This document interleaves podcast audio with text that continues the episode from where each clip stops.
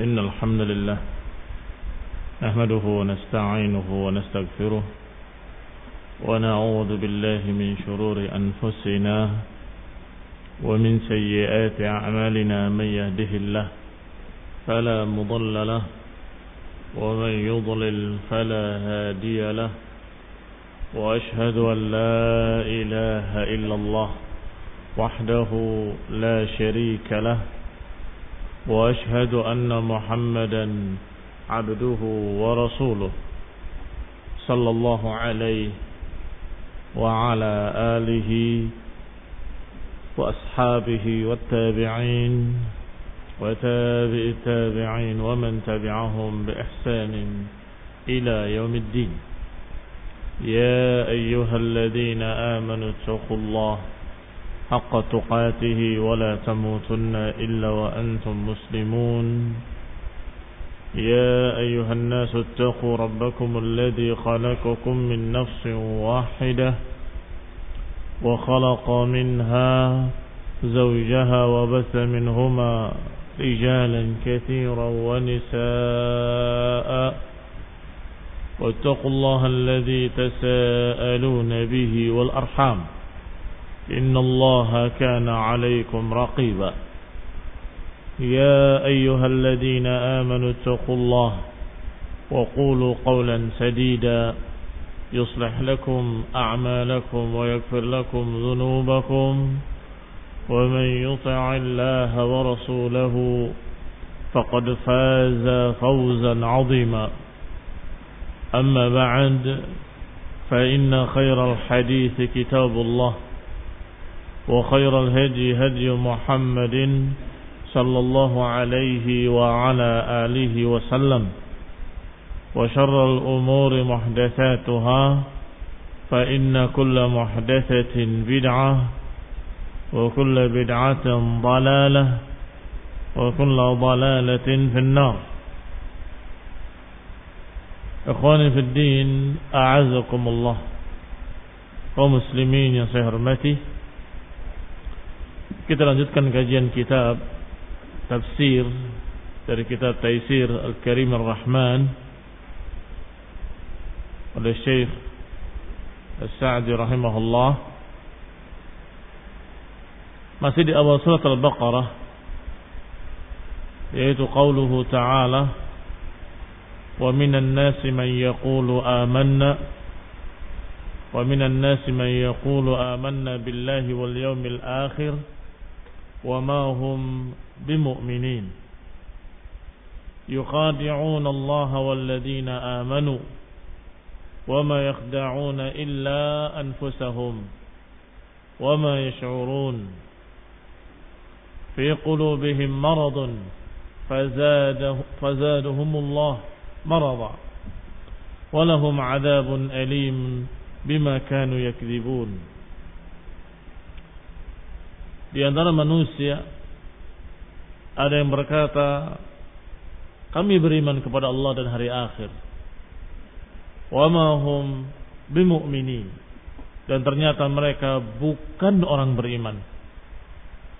Yukhadi'un Allah. Mereka menipu Allah. Dan menipu orang-orang yang beriman.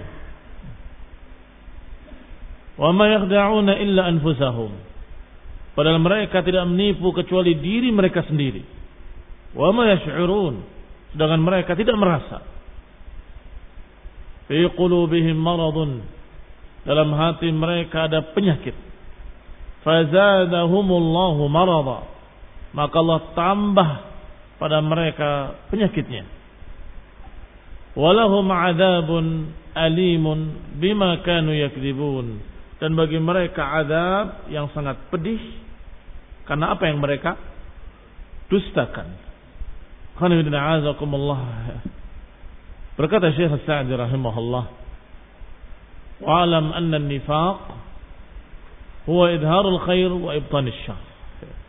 Berarti ayat ini barakallahu fikum berbicara tentang munafik yang datang pada Rasulullah SAW menyatakan amanna billah wal yaumil akhir kami beriman pada Allah dan hari akhir yang ternyata dia sama sekali bukan orang-orang mukmin. Tidak beriman. setelah dibicarakan pertama tentang muttaqin.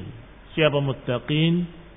Setelah itu dibicarakan pula tentang innal ladzina kafaru sawa'un 'alaihim andartahum am lam tundirhum la yu'minun.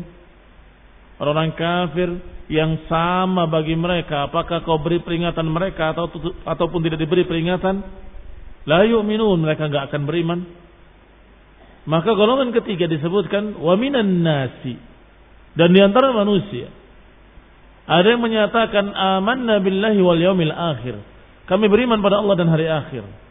Wa ma hum bimu'minin padahal mereka tidak beriman. Berarti barakallahu fikum ini golongan yang ketiga.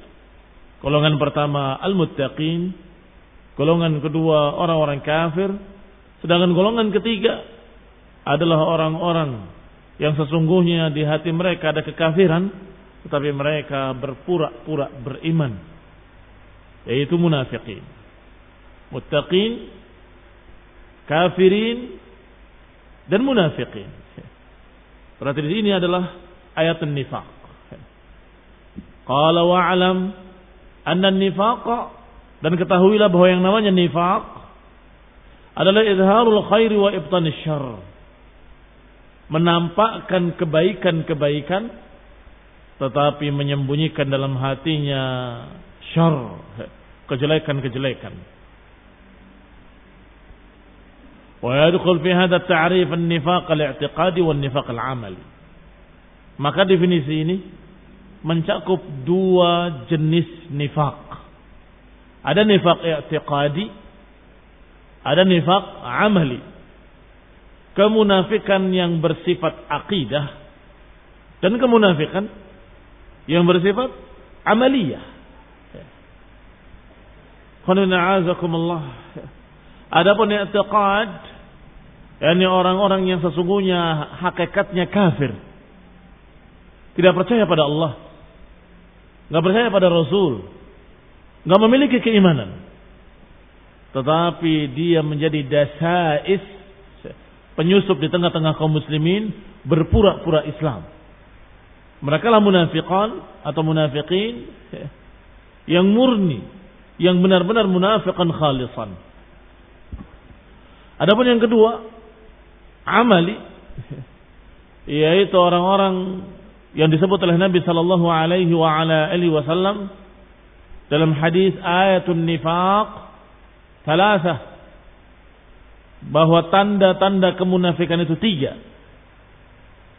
Idza haddatha kadzaba wa idza wa'ada akhlafa wa idza u'tumina khana. Jika berbicara dusta. Jika berjanji dikhianati. Jika dipercaya khianat maka ini nifak amali disebutkan dalam riwayat lain yang keempat, wa idza khasama fajara. Kalau bertikai melampaui batas. Arba'un. Man kunna fihi kana munafiqan khalisan. Empat perkara. Kalau empat ini ada pada seseorang maka dia munafik murni. Kalau ada padanya khaslatun minhunna fafihi khaslatun minan nifaq. Kalau ada sebagian daripadanya, berarti ada pada dia sebagian dari sifat nifaq. Yaitu idza hadatsa kadzaba. Kalau berbicara dusta. Wa idza wa'ada akhlafa. Dan kalau berjanji enggak ditepati. Wa idza tumina khana. Kalau diberi amanat khianat. Wa idza khasama fajara dan kalau dia bertikai melampaui batas. Kalau empat-empatnya ada karena munafiqan khalusan. Maka ini munafik murni. Tetapi kalau ada sebagiannya. Maka dia memiliki sebagian sifat nifak. Amma nifaq al-i'tiqadi. Adapun nifak kemunafikan yang bersifat i'tiqad Sebagaimana kafir, ada kafir amali, ada kafir i'tiqadi. Demikian pula nifak, ada nifak amali, ada nifak i'tiqadi. Nifaq i'tiqadi al-mukhrij an dairatil Islam yang keluar dari daerah keislaman. Artinya sudah kafir, sudah keluar dari Islam.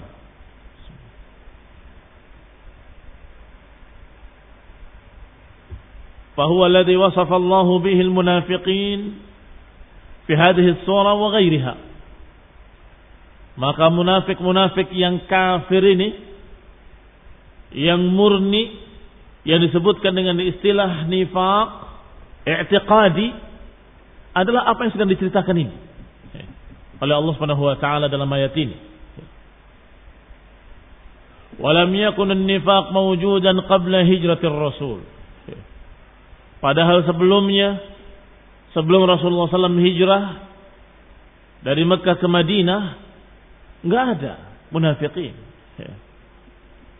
Kenapa demikian? Karena di Mekah kaum muslimin sedikit, lemah, mustad'afin, mereka bahkan dimusuhi, bahkan sebagian mereka disiksa, sebagian mereka diusir, sehingga tidak ada dan tidak mungkin seorang berpura-pura Islam untuk diusir. Berpura-pura Islam untuk dimusuhi. Berpura-pura Islam untuk disakiti. Tidak mungkin. Dan memang nggak ada. Sehingga di Mekah waktu itu tidak ada munafik. Maka ayat-ayat tentang munafikin biasanya turun di Madinah. Ayat-ayat tentang munafikin biasanya turun di Madinah atau dengan istilah ayat-ayat madaniyah. Ayat-ayat madaniyah. Karena di Mekah belum ada munafikin. Setelah hijrah maka mulai ketika Rasulullah SAW dan kaum mukminin sudah menjadi kuat apalagi setelah perang Badar maka mulai memiliki syaukah memiliki kekuatan saat itulah muncul orang-orang yang berpura-pura Islam padahal dia kafir. Qala rahimahullah qala Syekh Sa'di ba'da an hajara falamma kanat waq'at badr azhara Allahul mu'minin wa a'azzahum setelah hijrah dan setelah perang Badar maka Allah Subhanahu wa taala menampakkan kekuatan orang-orang beriman dan kemuliaan mereka. Zallaman fil madinati mimman lam yuslim. Akhirnya rendahlah, kecillah, lemah orang-orang yang tidak masuk Islam. Ini orang-orang kafir yang ada di Madinah. Fa'adhara ba'duhum al-Islam khawfan wa mukhada'atan. Maka akhirnya sebagian orang berpura-pura Islam sebagai mukhada'ah. Sebagai tipuan. Sebagai kepura-puraan ingin menipu kaum muslimin bahwa dia berpura-pura Islam. Walitahqina dima'uhum dan untuk menjaga darah-darah mereka.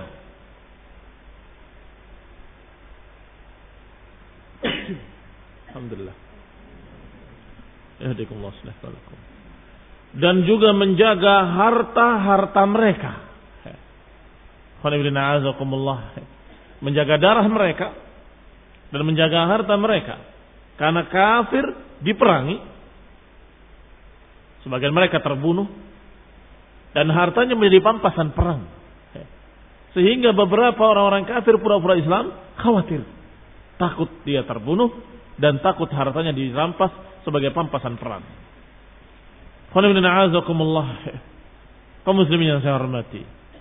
Di antara tokoh terbesar munafikin adalah Abdullah bin Ubay bin Salul. Seorang tokoh dari tokoh-tokoh orang-orang Madinah atau penduduk Madinah disebutkan kana ra'san fil Madinah wa min al-Khazraj. Dia dari kalangan Khazraj wa sayyidu ta'ifataini di kalangan Ansar atau di kalangan orang-orang Madinah itu ada orang-orang Arab, ada orang-orang Yahud. Arabnya ada Khazraj, ada Aus. Yahudinya Ada Bani, Bani Kaunuqa, ada Bani Nadir, dan ada Bani Quraidah. Adapun Bani Kainuqa bergabung bersama Khazraj. Adapun Bani Nadir dan Bani Quraidah bergabung bersama suku Aus. Sedangkan tokoh yang satu ini Abdullah bin Ubay bin Salul, tokoh yang dibesarkan oleh dua kelompok sekaligus di zaman jahiliyah. Dan dia sudah berpikir sebentar lagi saya akan memimpin mereka seluruhnya. Karena ditokohkan oleh Khaus dan Al-Khazraj. Maka ditokohkan pula oleh orang-orang Yahud. Maka dia sudah berpikir sebentar lagi saya akan menjadi pemimpin. Tetapi falamma kanat waqa'at Badrin ketika terjadi kejadian perang Badar maka Abdullah bin Ubay bin Salul berkata hadza amrun qad tawajjah ini perkara sudah mapan sudah tidak mungkin lagi diganggu gugat sudah nggak mungkin lagi dirubah maka terpaksa dia berpura-pura masuk Islam adhara ad-dukhula fil Islam wa dakhala ma'ahu maka dia berpura-pura masuk Islam dan berpura-pura pula bersama dia kelompok munafikin. Maka inilah munafikin pertama di Madinah. Adapun di Mekah tidak ada munafikin. Fa'amal muhajirun falam yakun fihim ahadun nafaq.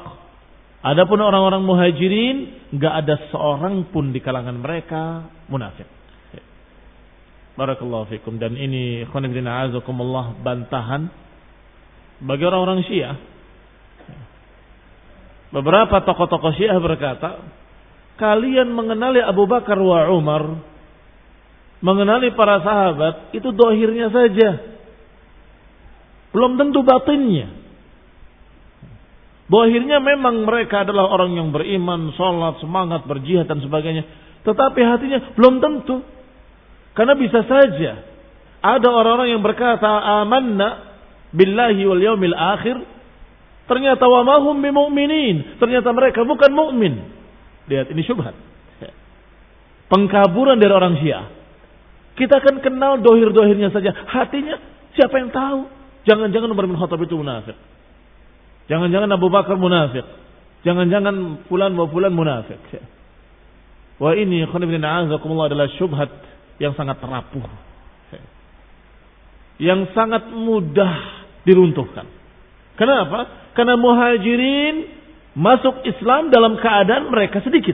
Dalam keadaan kaum muslimin lemah. Dalam keadaan kaum muslimin terkucil. Apakah mungkin ada orang yang berpura-pura Islam untuk diusir? Tidak mungkin. Apakah mungkin ada orang-orang yang berpura-pura masuk Islam agar dia dimusuhi? Tidak ada. Sehingga barakallahu fikum. Ucapan mereka adalah ucapan dusta. Kalaupun mereka tidak tahu hati para sahabat, sebagaimana kita pun tidak tahu hati mereka, tetapi Allah Maha tahu. Allah yang Maha tahu menyatakan tentang mereka radhiyallahu anhum wa an. Allah ridha pada mereka dan mereka ridha pada Allah Subhanahu wa taala. Dan disebutkan dalam Al-Quran dengan julukan. Julukan mereka. Seperti muhajirin dan ansar. As-sabiqun al-awwalun. Minal muhajirin wal ansar. Walladzina taba'uhum bi ihsan. Radiyallahu anhum wa radu'an. Allah katakan dan Allah sebut julukannya.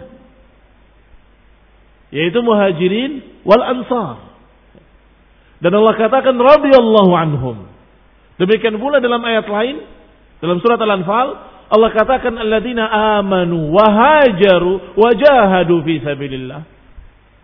Walladzina awaw wa nasaru ulaika humul mu'minuna haqqan.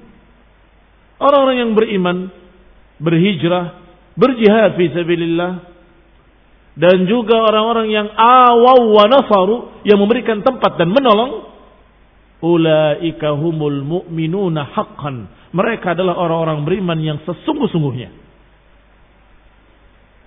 Kita nggak tahu. Tetapi Allah Maha tahu.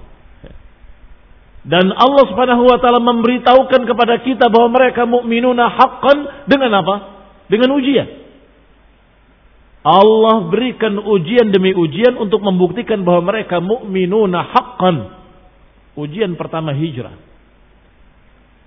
Mereka diuji apakah lebih mementingkan Allah Subhanahu wa taala atau mementingkan tempat tinggalnya, tanah kelahirannya. Diuji apakah mereka lebih mementingkan Allah dan Rasulnya atau mementingkan kerabatnya dan suku-sukunya. Mereka diuji apakah mereka lebih mementingkan Allah dan Rasulnya atau lebih mementingkan harta bendanya, tempat tinggalnya, rumahnya. Ternyata mereka para sahabat muhajirin adalah orang-orang yang lulus. Amanu wahajaru. Mereka hijrah. Mereka tinggalkan hartanya. Mereka tinggalkan rumahnya. Mereka tinggalkan kerabat-kerabatnya yang kafir. Ini bukti keimanan mereka. Dan setelah mereka hijrah diuji lagi. Dengan ujian jihad fisabilillah. Allah perintahkan untuk jihad berperang melawan mereka. Kalau tadi ketika berangkat hijrah dari Mekah ke Madinah belum ada munafikin. Tapi ketika di Madinah sudah tercampur dengan para munafikin, maka datang ujian jihad. Adapun mereka-mereka para munafikin bakhil terhadap hartanya, apalagi terhadap nyawanya. Bakhil nggak akan mengorbankan hartanya, apalagi mengorbankan nyawanya. Itu munafikin. Maka para sahabat adalah orang-orang yang lulus dengan ujian yang kedua ini. Mereka berjihad fi sabilillah. Wa qatalu wa qutilu. Mereka berperang, membunuh dan dibunuh. Ini barakallahu fikum adalah ujian yang telah dilalui oleh para sahabat. Maka nggak mungkin ada kenifakan dalam hati mereka. Nggak mungkin ada penyakit nifak. Nggak mungkin mereka dikatakan munafik dalam keadaan berani mengorbankan nyawanya, berani mengorbankan hartanya. Radiyallahu ta'ala anhum wa radu'an. Adapun munafikin akan selalu beralasan. Inna buyutana aurah. Sesungguhnya rumah-rumah kami perlu dijaga. Maaf saya nggak bisa ikut perang. Yabkhal. Faminhum man yabkhal. Di antara mereka ada yang bakhil, nggak mau mengeluarkan hartanya, eman. Karena nifak tidak yakin dengan akhirat, nggak yakin dengan Rasulullah SAW, nggak yakin dengan Al-Quran. Maka mereka nggak akan mau mengorbankan sedikit pun dari hartanya, apalagi nyawanya. Maka ketika mereka para sahabat pulang dari perang, pulang dari jihad fisabilillah, Allah sudah berkata di perjalanan. Saya qulu sufaha akan berkata orang-orang sufaha kepada mereka bahwa sesungguhnya syaghalatna amwaluna wa ahluna wastaghfir lana. Sesungguhnya kami disibukkan oleh harta kami oleh anak istri kami. Kami minta maaf dan tolong mintakan ampun untuk kami ya Rasulullah kami sibuk. Belum sampai ke Madinah, Allah sudah turunkan ayatnya. Saya kulul mukhallafun. Akan berkata para mukhallafun. Minal a'rab. Orang-orang yang nggak ikut perang. Para sufaha, juhala. Para munafikin. Akan berkata. Begini, begini, begini. Sehingga ketika mereka datang. Datang munafikin dengan menyatakan, Ya Rasulullah, Wallahi, demi Allah, saya sibuk. Demi Allah, saya begini, saya begitu. Mintakan ampun untuk kami. Rasulullah SAW percaya. Tetapi Rasulullah SAW dan para sahabat tahu, oh ini yang dimaksud oleh Allah. Al-mukhallafun minal Arab. Dari kalangan munafiqin. Barakallahu fikum. Kembali kepada kitab. Maka dikatakan oleh Syekh Nasr Sa'di rahimahullah bahwa mereka adharu menampakkan keislam, keislamannya dan menggambarkan kalau diri mereka bersama kaum muslimin wa fil haqiqati laisu minhum. Padahal pada hakikatnya mereka bukan golongan mukminin. Famin lutfillahi bil mu'minin an jalla ahwalahu. Tetapi karena rahmat Allah kasih sayang Allah kepada orang-orang beriman, Allah tampakkan keadaan mereka. Allah tampakkan keadaan munafikin. Wa wasafahum bi Dan Allah gambarkan dengan gambaran-gambaran dengan sifat-sifat yang bisa dilihat. Yatamayyazuna biha yang dengan sifat-sifat itu mereka akan terbedakan. Lihat, Allah nggak akan biarkan kaum muslimin bingung. Nggak dibiarkan orang-orang beriman bingung mana munafik mana bukan. Allah berikan tanda-tandanya. Allah berikan ciri-cirinya. Allah gambarkan keadaan mereka. Li'alla yaktar bihimul mu'minun. Agar jangan tertipu orang-orang yang beriman. Walayanqami'u aydan an kathirin min fujurihim. Agar bisa selamat dari kejelekan-kejelekan mereka. Dan bisa meruntuhkan rencana-rencana jahat mereka. Allah beritahu ciri-cirinya. Di antaranya Allah gambarkan yahdharul munafiqun an tunazzala alaihim suratun tunabbi'uhum bima fi qulubihim. Sungguh orang-orang munafikin sangat takutnya.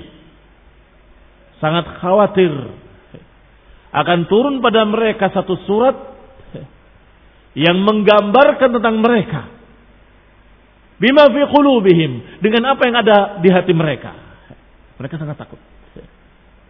Dan setiap ada ayat berbicara tentang kejelekan, kekufuran, mereka selalu merasa, ini jangan-jangan kami, jangan-jangan kami. Yahsabun kulla sayhatin alaihim. Selalu menduga bahwa setiap jeritan atau setiap ucapan itu mengenai dia. Yahsabuna kulla sayhatin alaihim. Humul adu kata Allah. Mereka lah musuh-musuh kalian. Setiap ada ayat, ah jangan-jangan saya yang dimaksud. Ini pasti saya ini. Karena sangat takutnya kalau dibongkar isi hati mereka. Ternyata turun satu surat munafikun. Surat munafikun. Dan digambarkan pula dalam ayat-ayat lain tentang sifat-sifat munafikin satu persatu. Dan dalam hadis-hadis juga satu persatu. Nah, Demikian ikhwan a'azakumullah maka Allah katakan dalam ayat ini wa minan nasi man yaqulu amanna billahi wa bil yaumil akhir wa ma hum bimumin. Maka Allah katakan hati-hati. Hati-hati. Di antara manusia ada yang berkata amanna. Di antara manusia ada yang berkata kami beriman pada Allah dan kami beriman pada hari akhir. Ternyata wa ma hum bimumin. Mereka bukan orang-orang mukmin. Dan dalam tafsirnya disebutkan yang dimaksud adalah munafikin dari kalangan Aus dan Khazraj. Munafikin dari kalangan Arab Arab Madinah. Yang diikuti di belakang mereka oleh Yahud. Yahudi tidak masuk Islam, tidak menjadi munafik, tetapi mereka mendukung para munafikin. Ala ra'sihim Abdullah bin Ubay bin Salul. Demikian tafsir Abu Aliyah Tafsirnya Al-Hasan dan juga Qatadah dan juga Suddi. Semua menafsirkan bahwa yang dimaksud di sini adalah munafikin dari kalangan Aus dan Khazraj yaitu munafikin Madinah. Dan Allah gambarkan sebagaimana dikatakan oleh Syekh Sa'di rahimahullah agar kita jangan tertipu dengan mereka. Hati-hati. Karena tertipu dengan mereka adalah perkara besar sangat-sangat berbahaya. Dikatakan oleh Ibnu Katsir rahimahullah, Qala wa hadha minal al kibar. Dan ini adalah perkara yang sangat berbahaya, perkara besar yang harus dihindari. Apa itu? An yadhunna bi ahli fujur khairan. Perkara yang paling berbahaya. Perkara yang disebut oleh Ibnu dengan istilah mahdurat al-kibar. Perkara besar yang harus dihindari, yang harus kita hati-hati. Apa itu? Yadhunnu bi ahli fujuri khaira. Menduga ahli fujur sebagai orang baik. Ini bahaya. Menduga seorang ahlu syar, sekelompok ahlu syar sebagai ahlul khair. Ini bahaya yang sangat besar barakallahu fikum. Kapan sesatnya manusia? Kapan manusia sampai binasa? Ketika ittaqadan nas ru'usan juhalan. Ketika mereka mengambil tokoh-tokoh bodoh sebagai tokoh ulama. Yadhunnu bi ahli syar, yadhunnu bi ahli jahil annahum ulama. Mengira orang-orang bodoh sebagai ulama. Halaku, mereka binasa. Demikian pula ketika mengira munafikin sebagai mukminin akan menjadi penyebab kebinasaan. Demikian pula ketika menganggap ahlul dalal, ahlul ahwa, ahlul bidah sebagai ahlul sunnah, sebagai ahlul khair. Ini juga penyebab kebinasaan. Yang dijuluki dengan mahduratil kibar. Perkara yang harus dihindari dari perkara-perkara besar. Maka dikatakan di sini pula dalam tafsir kita dari Syekh Sa'di rahimahullah bahwa Allah gambarkan demikian sebagai rahmat. Allah gambarkan bahwa ada munafikin yang berpura-pura Islam. Li'alla yaghtarra bihimul mu'minun agar kaum mukminin jangan tertipu dan agar jangan terbawa dengan kejelekan-kejelekan mereka. Fainahum yaquluna bi alsinatihim ma laysa fi qulubihim. Karena mereka berbicara dengan lidah-lidah mereka apa yang tidak ada dalam hati-hati mereka. Lianal iman al-haqiqi karena iman yang hakiki ma tawata alaihi al-qalb wal lisan Iman yang sebenarnya adalah apa yang mencocoki antara lisan dengan hati. Lisannya menyatakan amanah, hatinya juga menyatakan amanah. Baru dikatakan iman yang hakiki. Tetapi kalau lisannya menyatakan amanah, tapi hatinya tidak beriman, maka mereka munafik. Sebagaimana kelanjutan ayat tadi. Ketika al-mukhallafuna minal arab menyatakan syaghalatna amwaluna wa ahluna fastaghfir lana. Allah katakan yaquluna bi alsinatihim ma laysa fi qulubihim. Yaquluna bi alsinatihim ma laysa fi qulubihim. Mereka mengucapkan apa yang mereka ucapkan dengan lidah mereka, apa yang tidak ada dalam hati-hati mereka. Artinya berbeda antara lisan dengan hati. Maka Allah katakan yukhadi'un Allah, maunya menipu Allah. Menipu kaum mukminin. Padahal mereka tidak menipu kecuali diri mereka sendiri. Al-mukhada'ah disebutkan oleh Syekh Sa'di dalam tafsir kita ini.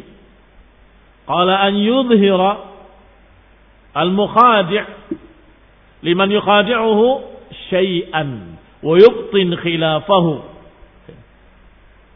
Mukhada'ah adalah seorang yang menipu menggambarkan kepada yang ditipunya sesuatu yang ternyata di batinnya bukan itu yang dituju. Menggambarkan sesuatu ternyata hatinya bukan itu yang dia inginkan. Likai yatamakkan min maqsudihi mimman yukhadi' agar memungkinkan untuk mendapatkan apa yang dituju oleh dia ini yang namanya mukhada'ah. Menggambarkan sesuatu, mengucapkan sesuatu secara zahir yang ternyata hatinya tidak seperti itu. Padahal hatinya berbeda.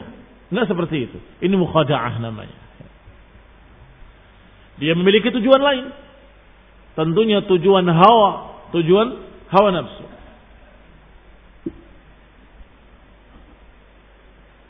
Fahaula'il munafiqun salaku ma'allahi wa ibadihi hadal maslak.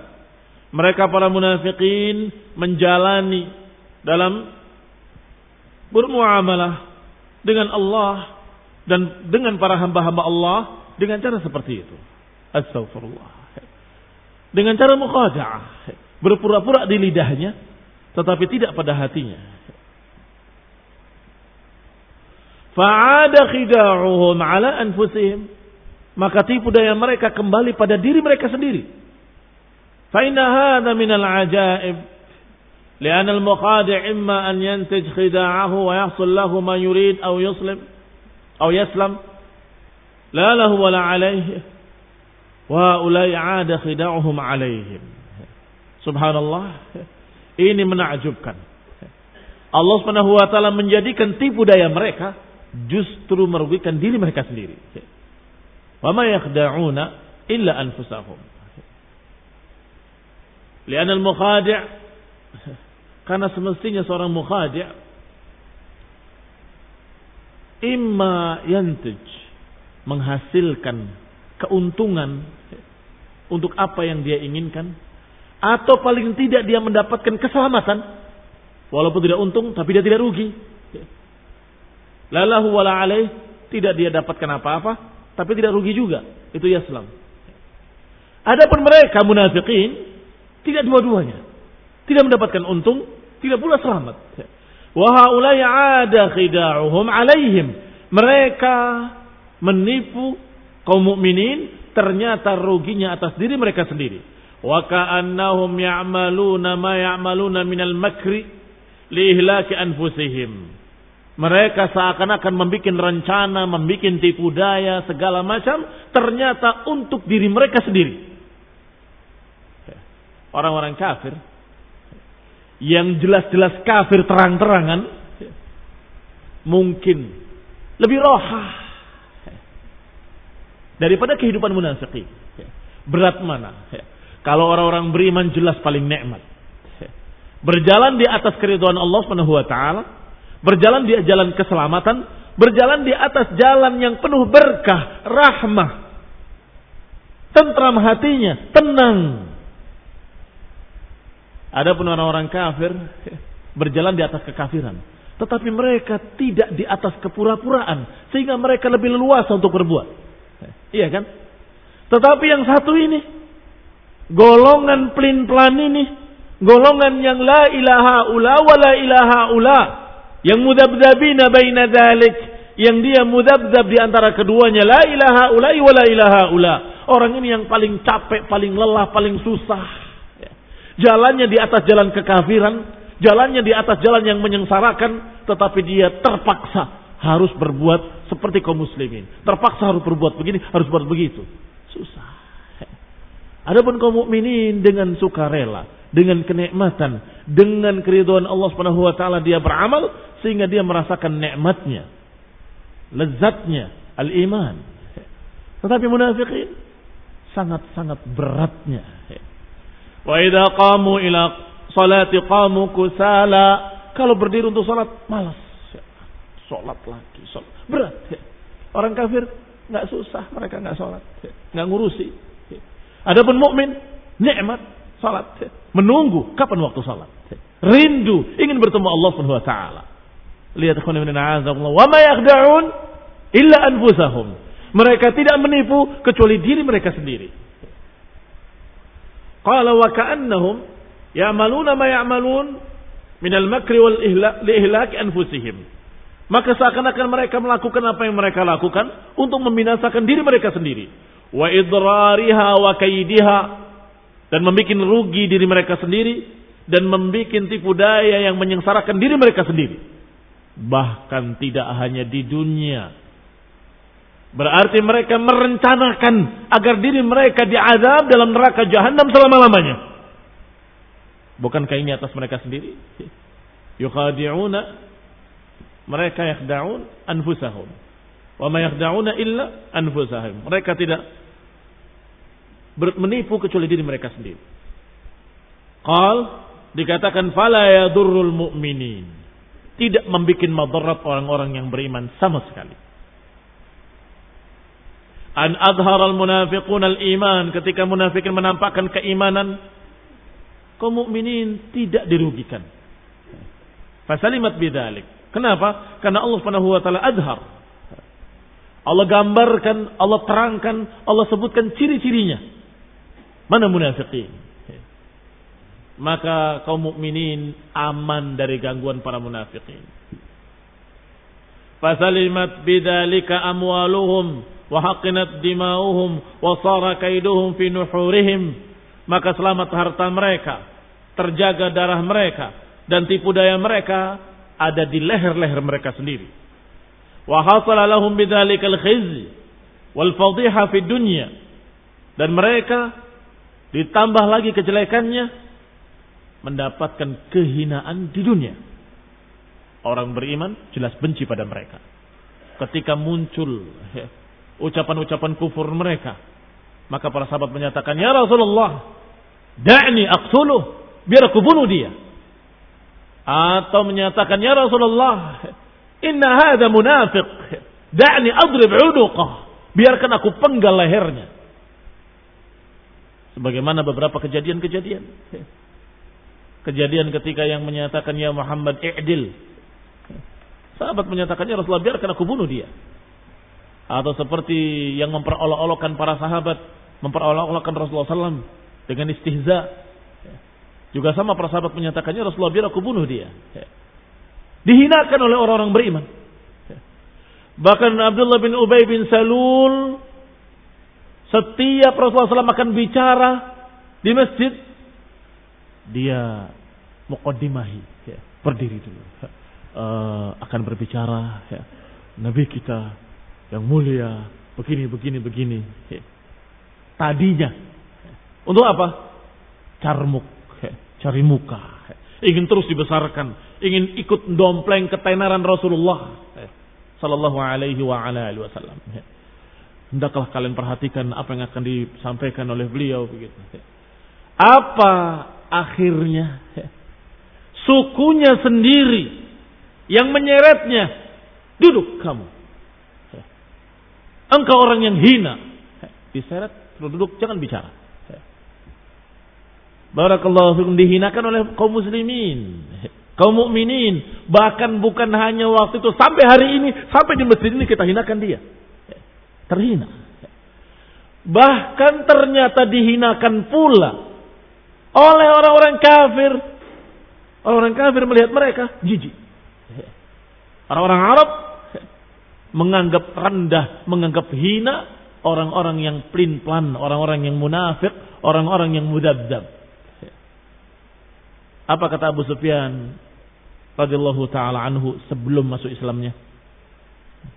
Ketika dia masih kafir di hadapan Raja Heraklius. Ditanya dengan sekian banyak pertanyaan. Semuanya dijawab dengan jujur, tidak dengan dusta. Apa kata dia ketika itu? Demi Allah, kalau aku tidak tahu kalau dusta itu akhlaknya para budak, orang-orang rendahan, aku akan berdusta. Tetapi karena aku tahu itu sifatnya orang-orang rendahan, itu sifatnya para budak, maka aku tidak berdusta. Aku jawab dengan jujur. Padahal dia masih kafir. Mereka orang-orang Arab di zaman jahiliyahnya nggak suka dengan orang-orang yang dusta, dengan kepura-puraan. Mereka kalau dalam keadaan percaya, beriman, beriman sungguh-sungguh. Kalau mereka tidak percaya, mereka menolak, menolak dengan terang-terangan. Bahkan na'udzubillah, kafir dengan sekafir-kafirnya. Sebagaimana ucapan Abu Jahal. In kana hadha huwa al-haqq min 'indik fa amtir 'alaina hijaratan min as-sama' aw itina bi'adzabin alim. Kalau memang benar apa yang dibawa oleh dia itu adalah hak, ya Allah ujani kami dengan batu. Atau berikan pada kami azab yang pedih. Na'udzubillah. Na'udzubillah. Sama jeleknya, tetapi kemunafikan, kedustaan, kepura-puraan direndahkan oleh kaum mukminin, direndahkan pula oleh orang-orang kufar dihendak dihinakan oleh seluruh manusia. Demikian Allah taala alam.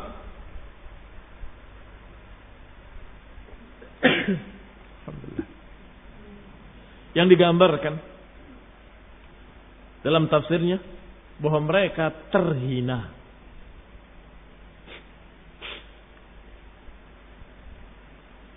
Hasala lahum bidzalikal khizi wal fadhihah khizi kerendahan fadhihah dipermalukan.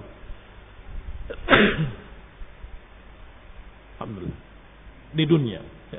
Wal huzn al mustamir dan kesedihan yang terus menerus bisa babi ma yasulil mu'minin min al quwwah wan nusrah. Kesedihan yang terus menerus kejengkelan yang terus menerus kenapa Karena apa yang didapat oleh orang-orang beriman dari kemenangan. Apa yang didapat dari orang-orang beriman dari pertolongan Allah Subhanahu wa taala. Kenikmatan-kenikmatan. Ketika nggak ikut perang, ternyata menang. Ternyata menang. Maka munafikin berkata, coba kalau kami ikut kemarin bersama mereka. Seakan-akan mereka bukan saudaranya orang-orang beriman. Kalau saudaranya kan ikut gembira. Tapi mereka seakan-akan berbeda. Seakan-akan orang lain. Coba kalau kita ikut kemarin. Fa'afuza fawzan. Kami akan, kami juga akan mendapatkan kemenangan. Coba kalau kami bersama mereka. Jengkel. Kalau mendapatkan kebaikan-kebaikan orang beriman, ya su'uhum. Membuat mereka jelek. Sedih. Jengkel. Kenapa orang beriman dapat kebaikan? Tapi sebaliknya kalau orang beriman mendapatkan kejelekan-kejelekan, menggembirakan mereka. Mereka gembira. Taib apa yang terjadi? Apakah kaum mukminin selalu mendapatkan kejelekan? Tidak. Kejelekan mereka dari sisi lain kebaikan. Seperti terbunuhnya beberapa sahabat dalam jihad fisabilillah. Syahid. Walakin al-munafiqin la yafqahun. Tapi munafikin enggak paham. Disangka itu adalah kejelekan. Padahal mereka tidak menunggu illa ihdal husnayain. Tidak menunggu kecuali dua kebaikan. Kemenangan atau syahid. Maka mereka selalu merasa jengkel ketika orang Islam selalu dimenangkan, dimenangkan, dimenangkan, dimenangkan. Diberikan kebaikan, kebaikan, kebaikan. Dan itulah keadaan orang-orang munafikin. Selalu dalam keadaan sengsara sepanjang masa, bahkan dilanjutkan di akhirat kelak. Na'udzubillah dzalik fid darkil asfali minan nar. Di kerak yang paling bawah dalam neraka. Allah salam Semoga Allah selamatkan kita dari sifat nifaq. Semoga kita dijauhkan dari sifatnya para munafikin. Amin wa sallallahu Muhammadin wa ala alihi wa wabarakatuh.